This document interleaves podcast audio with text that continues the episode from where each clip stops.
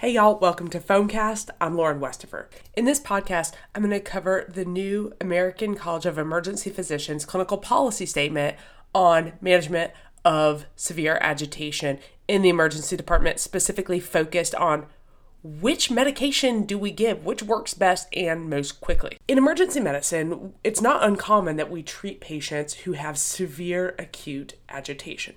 And this can be from a variety of reasons, which is another podcast. It can be from medical issues, it can be from intracranial hemorrhage, infections, it can be from other medications or intoxication with drugs or alcohol or combinations of all of these things it can be due to decompensated underlying psychiatric illness as well. Lots of things can cause severe agitation. And in emergency medicine, it's our job to number one, keep the patient safe and keep ourselves safe and the treatment team and other patients that might be around. We need to keep everyone safe. The next step is we also need to treat the patient. There might be an underlying cause. Sometimes we need to do an evaluation, whether it's a head CT uh, or uh, treat the underlying infection. There are often steps that we need to do to treat the patient uh, when they are agitated, and that just can't be done. You can't send a patient who's uh, flailing and screaming and attacking to the CT scanner, for example. And we take a lot of different steps in order to try to achieve this. I think the first thing that we do is try to make this situation calm and safe. The emergency department is not a therapeutic place for most people. It can be stressful, it's chaotic, there's a lot of stuff going on. So, whatever we can do to make that space a little bit calmer, a little bit uh, more chill for people is going to be good. The next step is verbal de escalation. So, making sure that we address if there's a concern or a need that they have that's not being met. Maybe they're hungry. Uh, maybe they're having certain interactions that make things tough. The environment re- reminds them of a time that was particularly stressful for them. If we can change or modify some of those things, or at least talk with them about it, sometimes that can bring the energy level down a bit. Now, sometimes the patient is too agitated, those things aren't working We've tried those things. Sometimes, unfortunately, we do have to go towards sedating patients in order to achieve a safe environment, but also in order to treat those patients. And what we're going to review in this podcast is a new clinical policy from the American College of Emergency Physicians about the critical issues in the evaluation and management of adult out of hospital or emergency department patients presenting with severe agitation and we're going to go through uh, the evidence and what the clinical policy states. Just a disclosure I am a member of the ACEP Clinical Policy Committee, and what I talk about today are going to be my reflections and my opinions and do not represent those of the American College of Emergency Physicians or the ACEP Clinical Policy Committee. All right, moving on now. ACEP clinical policies now target one specific question. And essentially, in this policy, they're asking the question of it gets to the point where you got to use a medication, which one is? And so the critical question here is there a superior parenteral medication or combination of medications for the acute management of adult out of hospital or emergency department patients with severe agitation? So that, that tells you a lot. So we're only looking at adults. We're not looking at kids or pediatric patients there's not a whole lot of evidence out there to begin with. Uh, number two, maybe the the risks and the types of patients are a little bit different. Number two, we're only looking at parenteral medications. So these are, these are going to be your intravenous and intramuscular medications. And this is important because the first step I do is I ask somebody, hey, do you want a medication to help you calm down? Do you want one of your home medications? I can get those things for you. Um, and so this is for a different type of medication that's going to work more quickly uh, and is usually for patients who uh, aren't willing to take uh, one of those medications or just can't take those. And so here, parenteral medications, adult patients, and severe agitation. So this isn't about, you know, making somebody just a little bit more calmer. This is when you need to really make sure that everybody is safe.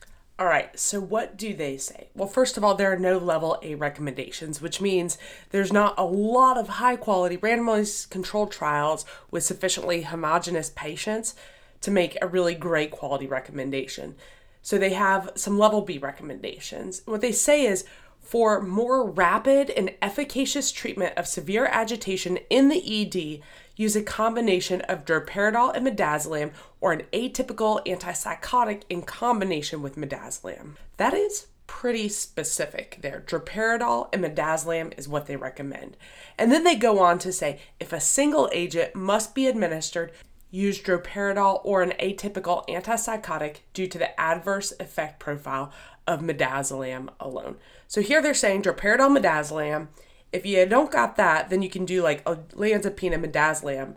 And if you had to only choose one, which is what they're sort of, it seems like implying, like not the best choice, then use one of those two, not just midazolam. And it's not because it doesn't work, they are saying it's because of the adverse effect pro- profile of midazolam alone. And then what's interesting, they go on to say for efficacious treatment of severe agitation in the ED, use the above agents as described or haloperidol alone or in combination with lorazepam. Now, this is interesting and not just semantics. Efficacious, and more rapid.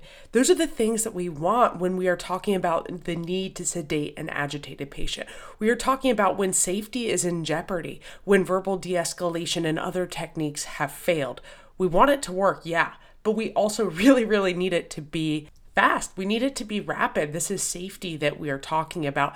And the bottom line, based on this ACEP clinical policy, is that droperidol and midazolam or olanzapine and midazolam work more quickly than haloperidol and lorazepam. Now, this is a level B recommendation, which means it's not based on multiple class 1 randomized controlled trials. Here, the recommendation is based on some multi-center randomized trials, but there are some issues that make them not class 1 level of evidence. And that's largely because we're looking at not necessarily head-to-head comparisons, looking at studies that compare one agent to another, um, or maybe it's intravenous rather than intramuscular routes. And so there is some degree of extrapolation among those. Just want to highlight a couple of things. So, first of all, Chan et al. 2013, this was a multi-center, large, randomized clinical trial in which everybody got midazolam. You either got midazolam alone, olanzapine plus midazolam, or droperidol and midazolam. And in this study, both combination groups, so droperidol, midazolam, and olanzapine and midazolam, worked much more quickly than midazolam alone. The median time to sedation was like five or six minutes compared with 10 minutes in the midazolam group. Another study, Taylor et al. in 2017, another prospective randomized double blind trial, looked at droperidol plus midazolam, just droperidol, or just olanzapine. And in this study, they found that the combination arm, the droperidol plus midazolam, was faster than droperidol alone or olanzapine alone. And here they were looking at the proportion sedated at 10 minutes. And the bottom line is that more people were sedated at 10 minutes in that combination group, leading them to say, okay, uh, in this in this group, the combination is going to be more successful. And then there's Chan et al. And this was in 2021. And in this study, these were intramuscular doses of midazolam, olanzapine, or haloperidol. And they wanted to know what was the time to achieve adequate sedation at various minutes. And what's interesting here is the median time to sedation 8.5 minutes in the midazolam group, so pretty quick. 11.5 in the olanzapine group, pretty quick, but not quite as quick.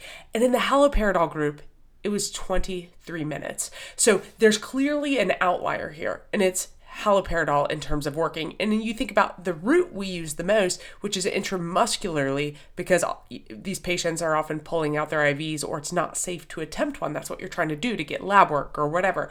Uh, and so this study really showed that haloperidol just takes quite some time. And you may be saying, well, yeah, that's haloperidol alone, not in combination, which is how we often use it. But say you were even to use haloperidol and midazolam, so that's sort of a quicker combination.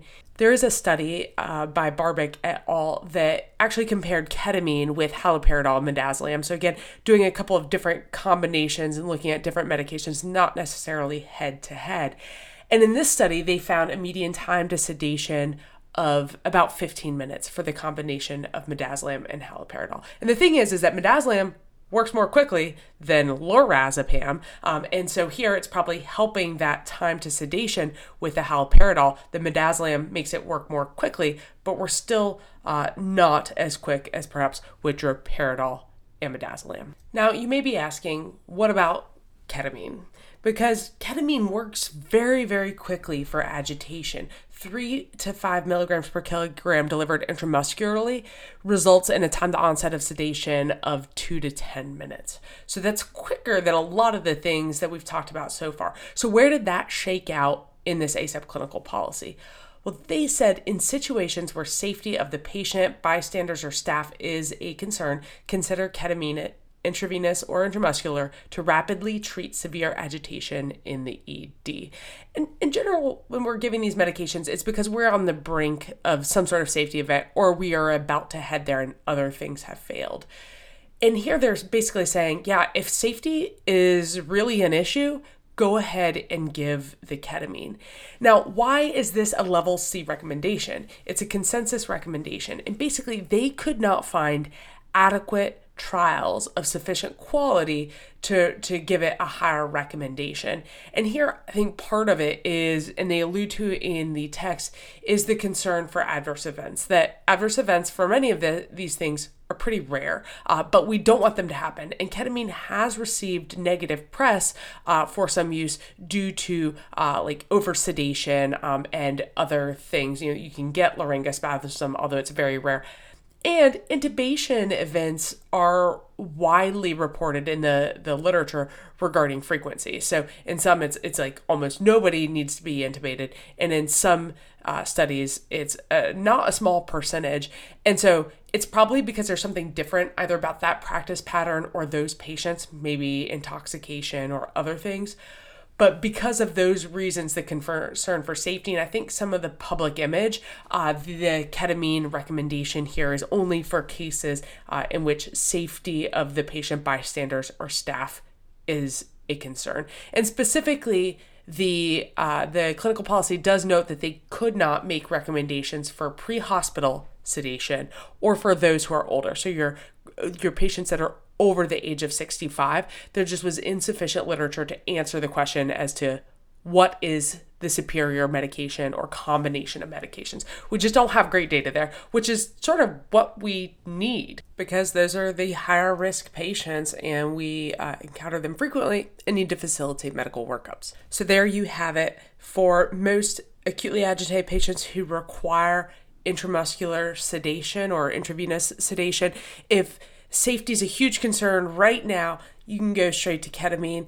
If you have uh, a couple of minutes, if it's not quite such an imminent, dangerous threat, uh, they recommend droperidol and midazolam or olanzapine plus midazolam over things like haloperidol and lorazepam because it's going to work more quickly. Now, you may be saying, well, what about things like diphenhydramine? There is the old school B52, Benadryl plus 5 and 2. That would be 5 of haloperidol, 2 of lorazepam. However, this really hasn't been borne out in studies to work better at sedating patients. The Benadryl was initially added, the diphenhydramine, to offset some of the adverse effects. However, they're not that common, the dystonia or extrapyramidal side effects. And so if they pop up, then you can give uh, an antihistamine or benzodiazepine to combat some of those side effects, but you don't have to empirically treat because it doesn't necessarily gain you anything in terms of adequately sedating the patient. The other things work just as well. Droperidol and midazolam works very quickly. If you don't have droperidol, it was black boxed uh, by the FDA, and that's sort of been debunked in terms of causing frequent uh, QT prolongation resulting in clinically meaningful outcomes.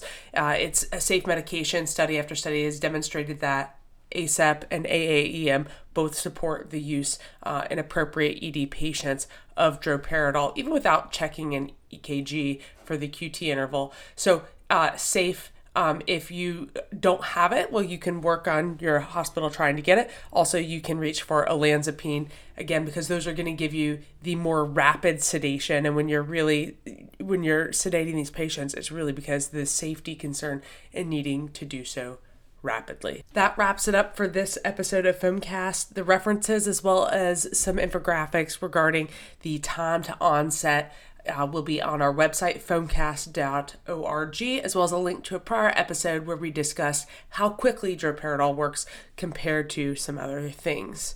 All right, y'all, thanks for listening.